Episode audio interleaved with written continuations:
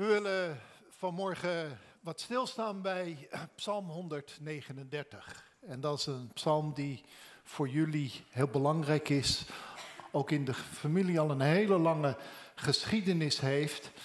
En we willen beginnen door gewoon die psalm in verschillende delen met elkaar te lezen. En het begint bij verwondering. Verwondering over wie God is. En het is voor ons belangrijk te beseffen dat dit eigenlijk een, liefdeslied is. God wordt toegesproken. Er wordt niet iets over God gezegd, zodat wij dat weten. Nee, dit is een gebed, dit is een, een liefdeslied naar God uit de verwondering. En als, we, als het de psalmist zegt van, u kent mij door en door, u weet alles van me. Dat klinkt anders als ik tegen jullie zeg, ja maar God kent je door en door. God weet alles van je. Dat, dat klinkt anders, dat komt anders bij je binnen als je iemand tegen God hoort zeggen, maar Heer, u kent mij door en door. Heer, u kent mij. U doorgrondt mij. U weet het als ik zit of sta. U doorziet van verre mijn gedachten. Ga ik op weg of rust ik uit? U merkt het op. En met al mijn wegen bent u vertrouwd. Geen woord ligt op mijn tong of u, Heer, u kent het ten volle. U omsluit mij van achteren en van voren. U legt uw hand op mij. Wonderlijk, wonderlijk, zoals u mij kent.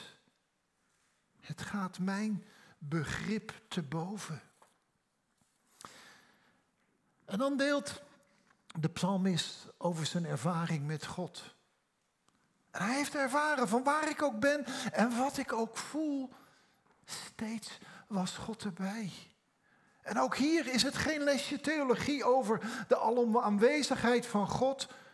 Nee, hij spreekt uit ervaring. Heer, zo heb ik u ervaren. U was er altijd bij. Hoe zou ik aan uw aandacht ontsnappen? Hoe aan uw blikken ontkomen? Klom ik op naar de hemel? U tref ik daar aan. En al daal ik neer in het dodenrijk, u bent daar.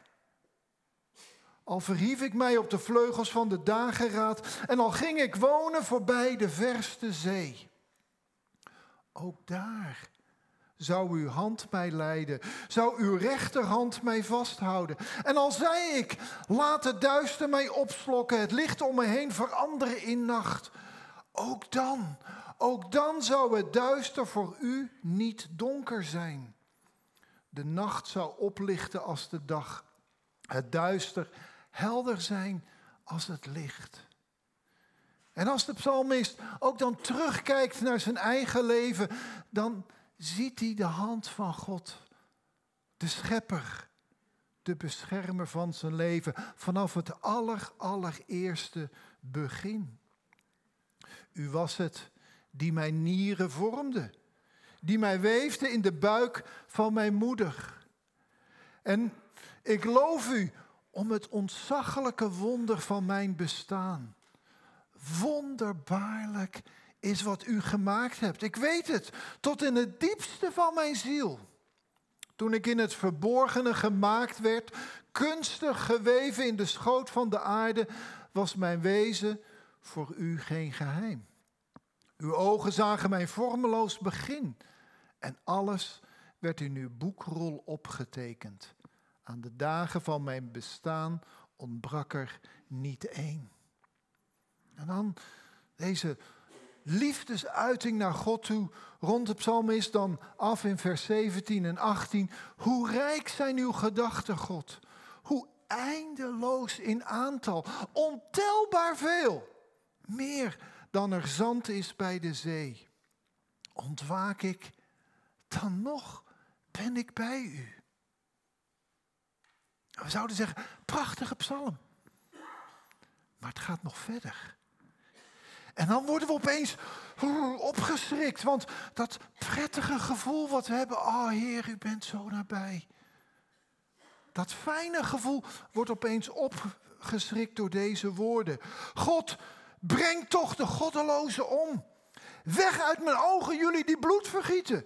Ze spreken kwartaardig over u. Uw vijanden misbruiken uw naam. Zou ik niet haten wie u haten? Niet verachten wie tegen u opstaan? Ik haat hen. Zo fel als ik haten kan. Ze zijn ook mijn vijanden geworden. Hier spreekt verbolgenheid. Verbolgenheid over degene die zich tegen God verzetten. Een onrechtvaardig leven en ook onrecht doen naar de psalmist die daardoor gekweld wordt. De psalmist weet niet alleen van de aanwezigheid van God in zijn leven. Hij weet ook dat het kwaad aanwezig is. En in zijn gebed, in zijn liefdeslied naar God, verzwijgt hij dat niet. Het wordt niet weggestopt. Zo van, mag er eigenlijk niet zijn. Nee, het is er. En hij spreekt het uit en hij zegt, ik kan er niet tegen. Het maakt mij echt ziek. En dan sluit de psalmist af met deze woorden. Oh, gaat te ver. Nee. Dan weten jullie wel wat gaat komen. Vers 23 en 24. Doorgrond mij, God, en ken mijn hart. Peil me en weet wat mij kwelt. Zie of ik geen verkeerde weg ga en leid mij op de weg die eeuwig is. Dit, dit lied, dit liefdeslied, deze psalm, getuigt van een heel bijzonder godsbesef. Hij is er altijd. Hij weet alles. En waar je ook naartoe gaat, hij is er al voordat je daar aankomt. En was ook nog op de weg daar naartoe bij je. Maar het laat ook een bepaald wereldbeeld zien. En ik wil dat vergelijken met, met dit plaatje. Er was een tijd dat mensen dachten dat je naar het einde van de aarde kon varen. En daar hield het op. En daar stortte het naar beneden in de afgrond, want dat was het einde. Daar hield de aarde op. Intussen weten we dat als je maar naar het westen blijft doorvaren en de juiste route neemt, dat je dan uiteindelijk vanuit het oosten weer aankomt waar je bent begonnen. Maar het idee dat je op een gegeven moment van de aarde kon verdwijnen, ervan af kon vallen. Houd het even in gedachten, want ik denk dat dat ons helpt om onze relatie met God te begrijpen.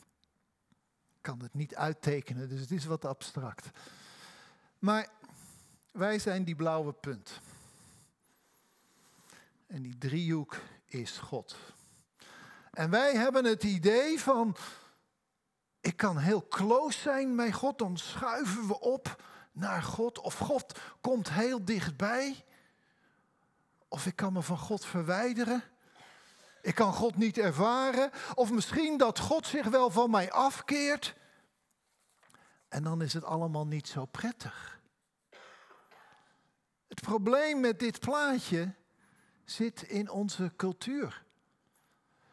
Wij worden gevormd door de overtuiging dat wat ik ervaar, zo is het ook.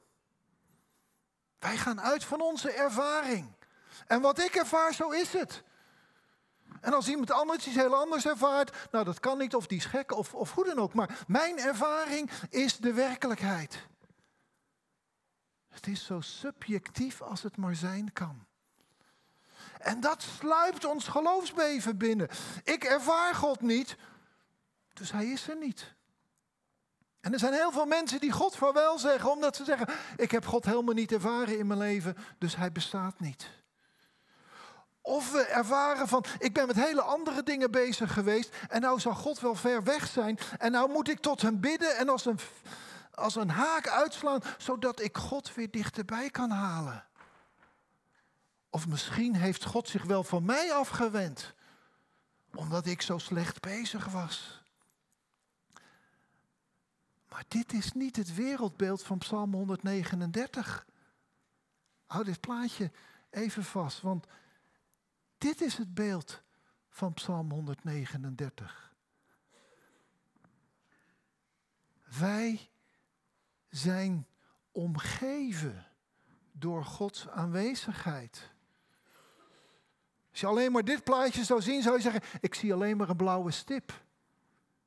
Nee, die blauwe stip is omgeven door de aanwezigheid van God. En waar die blauwe stip ook naartoe gaat, God is er. En wat voor gevoel ik ook heb en hoe ik door het duister opgeslokt kan worden. God is in het duister aanwezig. En zelfs de meest zondige plek, de meest goddeloze plek, de plek waar de dood heerst, daar is God aanwezig. Ik denk dat wij mensen veel te klein en veel te menselijk over God denken.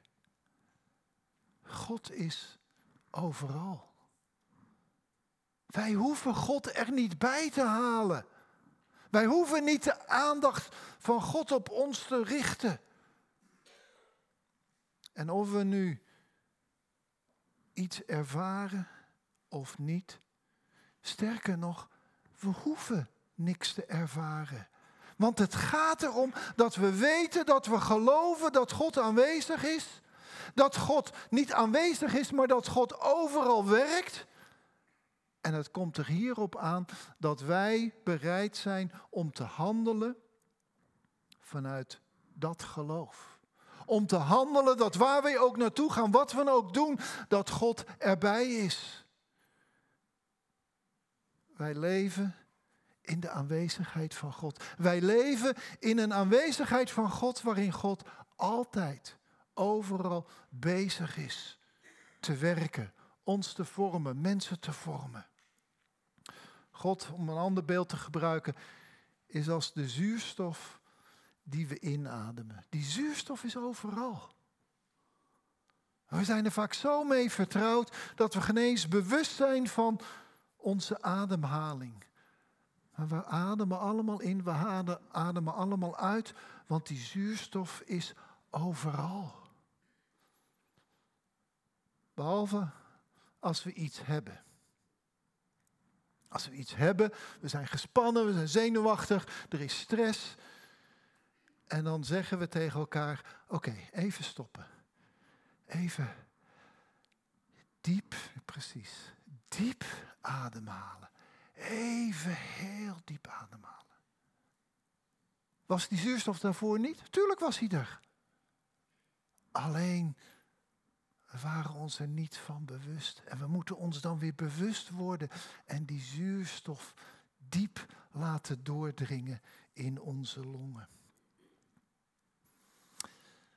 André en Brenda. Jullie gaan naar een ver land, weg van het vertrouwde, een totaal andere cultuur. En wat deze psalm zegt, God is daar net zo aanwezig als hier. En begeleidt jullie. Maar mensen die uitgezonden worden naar een andere cultuur, weten allemaal en zijn jullie ook op voorbereid er gaan moeilijke momenten komen.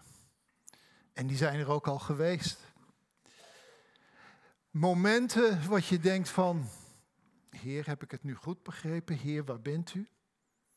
Dat zijn de momenten dat we dan even pauze moeten nemen, even moeten stoppen en zeggen, even diep in en uitademen.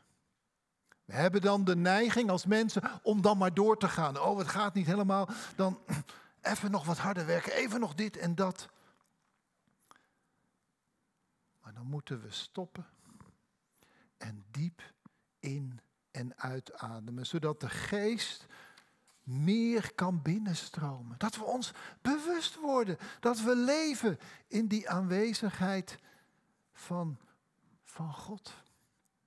Als wij mensen in paniek raken of onder stress zijn, dan gaan we heel vaak slecht ademhalen. Dan ademen we een beetje hierboven, maar dat gaat dan niet meer diep. Dan, ademen we veel te oppervlakkig. En zo kunnen we ook veel te oppervlakkig met God bezig zijn. En dan moeten we even die pauze maken. En dan even stoppen. En diep ademhalen. En soms hebben we de hulp er van een ander bij nodig. Die, die ons zegt, oh wacht even. Even stoppen. Dat doen we soms met kinderen. Nou even heel diep ademhalen. En dan doen we het ze voor. En dan stroomt het zuurstof naar binnen. Dat is ons gebed voor jullie. Als het moeilijk wordt, ga dan niet door vastberaden en zeggen van het komt wel voor elkaar. Maar stop en haal diep adem. Wees je bewust dat God erbij is, ook in de moeilijke momenten. Het tweede wat ik jullie wil meegeven, heeft met die lastige versen te maken. Ik wilde ze eerst weglaten. Ik dacht, nou, dan wordt het een mooie preek. Totdat ik op een gegeven moment de beweging zag die de psalmist maakt in deze laatste versen. De psalmist, en dat is belangrijk te beseffen, hij bidt tot God. Hij heeft het niet tegen mensen, hij spreekt tot God. En hij zegt tot God, en voor ons lijkt het haast als vloeken in de kerk, breng die goddelozen om. En hij heeft het waarschijnlijk over concrete mensen die hem tergen. Maar hij zegt het tegen God die alles weet. Die ook die mensen door en door kent. En dan gebeurt er iets. Hij laat die goddeloze aan God over, die alles weet, en richt zich vervolgens weer op zichzelf. En zegt dan, doorgrond mij, doorgrond mij God, en ken mijn hart. Peil me, weet wat mij kwelt. En zie of ik geen verkeerde weg ga en leid mij op de weg die eeuwig is. Ik wil de inhoud iets, iets afzwakken om, om deze versen aan, aan, aan jullie mee te geven. In Thailand gaan jullie veel dingen tegenkomen waar je echt niks van begrijpt. Ondanks alle voorbereidingen. Waar jullie vanuit de Nederlandse westerse cultuur denken van, dat sport niet. Vreemd.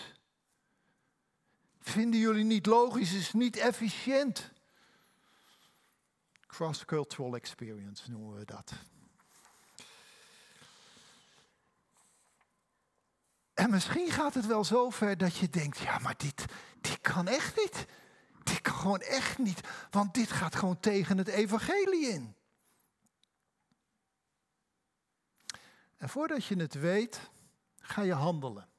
Ga je er iets van zeggen? Ga je proberen om dat toch maar te veranderen?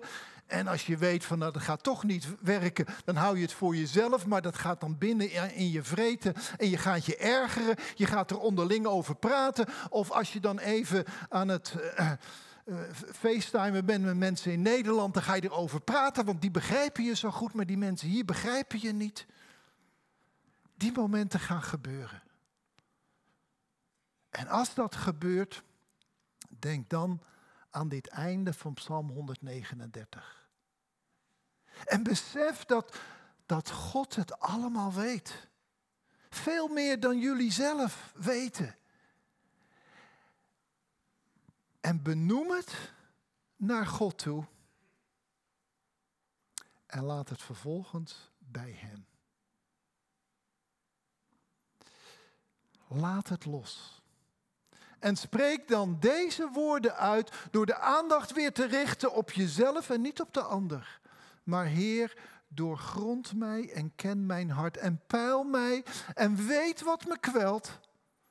En zie of ik geen verkeerde weg ga en leid mij op de weg die eeuwig is.